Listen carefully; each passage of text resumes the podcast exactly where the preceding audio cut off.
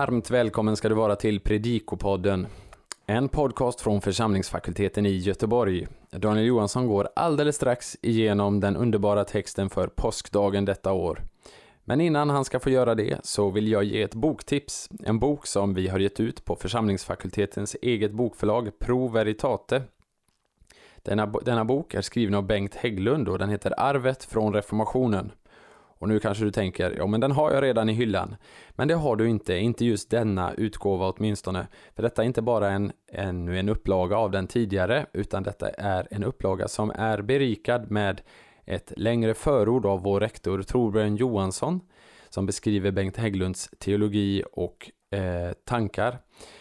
Eh, men också en hel del förbättringar i texten i form av översatta citat. Tidigare så har det funnits tyska citat i texten också. Detta är en bok som på många sätt är ett måste för en pastor eller en teolog. På vår hemsida så kan du hitta information om hur du införskaffar denna boken, Arvet från reformationen av Bengt Hägglund. Men nu, en genomgång av påskdagens evangelium. Vi önskar dig en glädjefull och välsignad lyssning. Evangeliet för påskdagen hämtas i år i Johannes 21 18. Vi börjar med att gå igenom den grekiska texten och då noterar vi att texten inleds med orden Tedemiaton sabaton. Tedemia står i dativ. Det används för att uttrycka tidpunkt. Ordagrant då står det på sabbatens första. Men det är lika med första dagen i veckan, första veckodagen. Ett stort antal verb i vers 1 och vers 2 står i presens där det borde ha varit aorist eller imperfekt. Det är alltså fråga om historisk presens som ofta används för att öka intensiteten i berättelsen. Maria kommer till graven. Hon ser. Hon springer. Hon kommer till lärjungarna. Hon säger. Liknande mönster dyker upp senare också i texten i vers 6, i verserna 12, 13, 14 och 15. I vers 2 eh, möter vi verbet oidamen. Det står i pluralis. Vi vet. Det är bara Maria från Magdala som nämns vid namn. Men eftersom hon talar om att vi vet så var hon uppenbarligen inte ensam. Det var nog inte heller sannolikt att hon gick ensam till graven medan det ännu var mörkt, särskilt inte under en högtid och risken att utfört, utsättas för ett överfall var stor. I vers 3 har varken folkbibeln eller bibel 2000 mm, översatt eh, särskilt eh, nära grundtexten. Ordagrant så står det här Petrus gick ut och den andra lärjungen och de gick erchont och imperfekt till graven. I nästa vers så eh, specificeras hur de tog sig till graven. Nämligen att de sprang och att de kom fram efter varandra. Petrus står i genitiv i vers 4. Eh, detta därför att adverbet tachion när det står i komparativ eh, innebär en jämförelse och därför följs av genitiv. Verbet parakypto som vi möter i vers 5 har i Septuaginta betydelsen av att se igenom en dörr eller ett fönster. Exempel på det finner vi i Domarboken 5.28 och i Höga Visan 2.9. Verserna 8 och 9 hänger samman genom partikeln gar som betyder ty eller eftersom eller för. Som ju inleder vers 9. Johannes poäng är att den andra lärjungen tror genom att se eftersom de ännu inte förstått att skriften lärde att Messias skulle uppstå.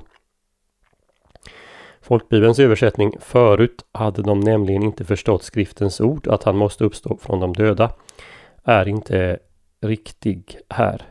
O depo betyder ännu inte. Så en ordagrann översättning lyder ty de förstod ännu inte. Bibel 2000 översätter riktigt här.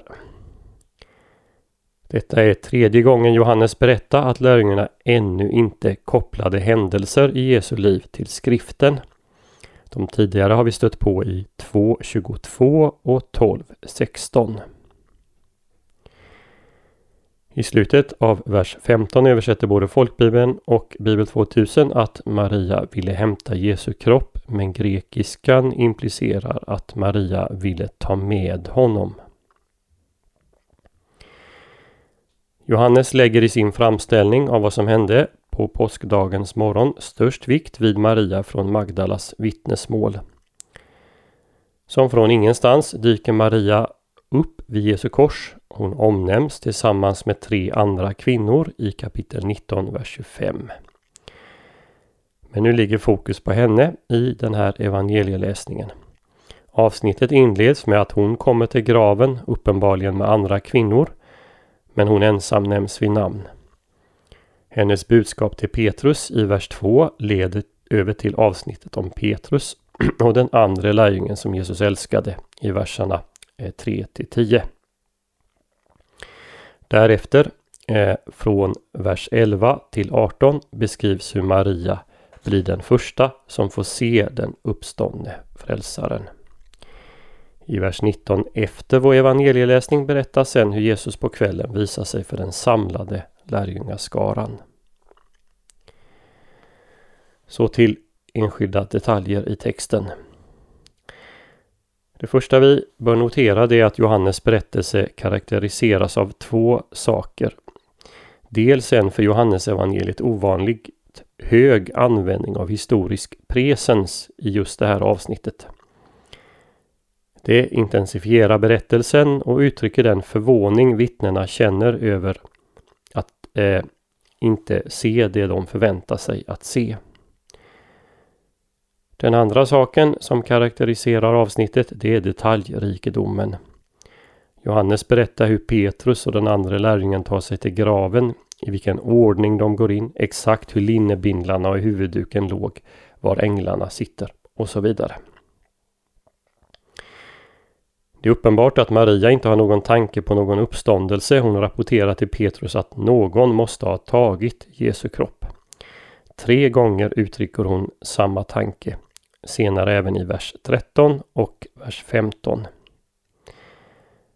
När eh, hon vänder sig mot Jesus i tron att han är trädgårdsmästaren verkar hon anta att Jesus inte fick ligga i just den graven och att trädgårdsmästaren därför har tagit bort honom.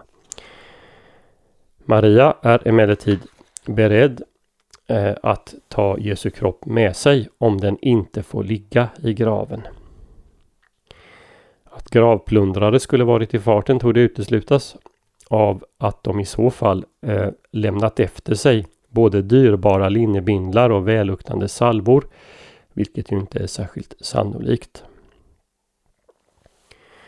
När Jesus uppväckte Lazarus så kom denne ut inlindad i lindebindlarna.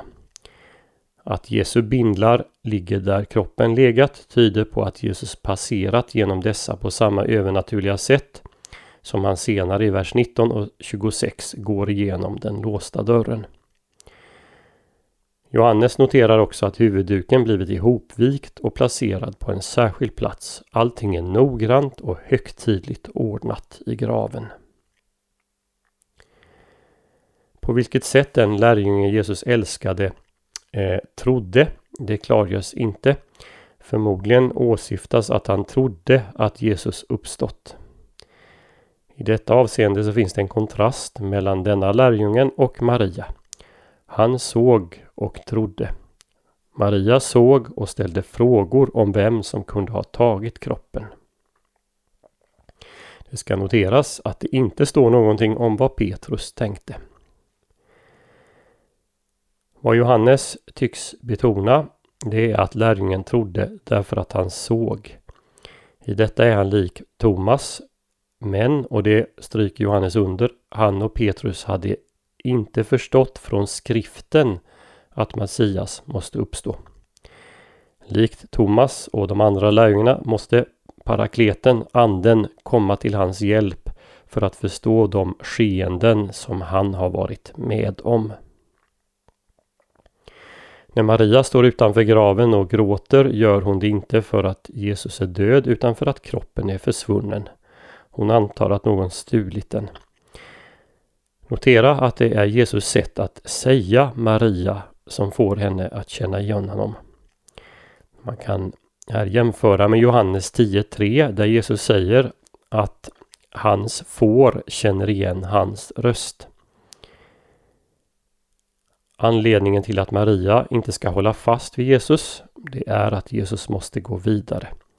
Anden ska ta hans plats, precis som han sagt i sitt avslutande tal till lärjungarna. Till sist så noterar vi Jesu distinktion mellan min fader och er fader, min Gud och er Gud. Det är på olika sätt Gud är Gud och fader för Jesus respektive lärjungarna.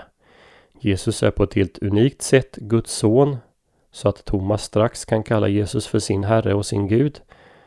Men i och med uppståndelsen får Jesu lärjungar del i hans barnaskap. Uttrycket min fader och er fader förutsätter distans mellan Jesus och hans efterföljare. Men det etablerar också ett mycket nära samband. Vi hoppas att denna genomgång får bli till hjälp och välsignelse för dig som har lyssnat. På vår hemsida www.ffg.se kan du hitta information om hur du kan stödja fakultetens arbete, som till exempel den här podcasten. Ett sätt att stödja är att skänka en gåva genom Swish. Församlingsfakultetens Swish-nummer är 123 100 84 57. Alltså 123 100 84 57. Mottagaren som anges är Peter Isak Bens utbildningsstiftelse. Märk gärna gåvan FFG Podcast om du vill stötta just denna podden. Så önskar vi allt gott och Guds välsignelse.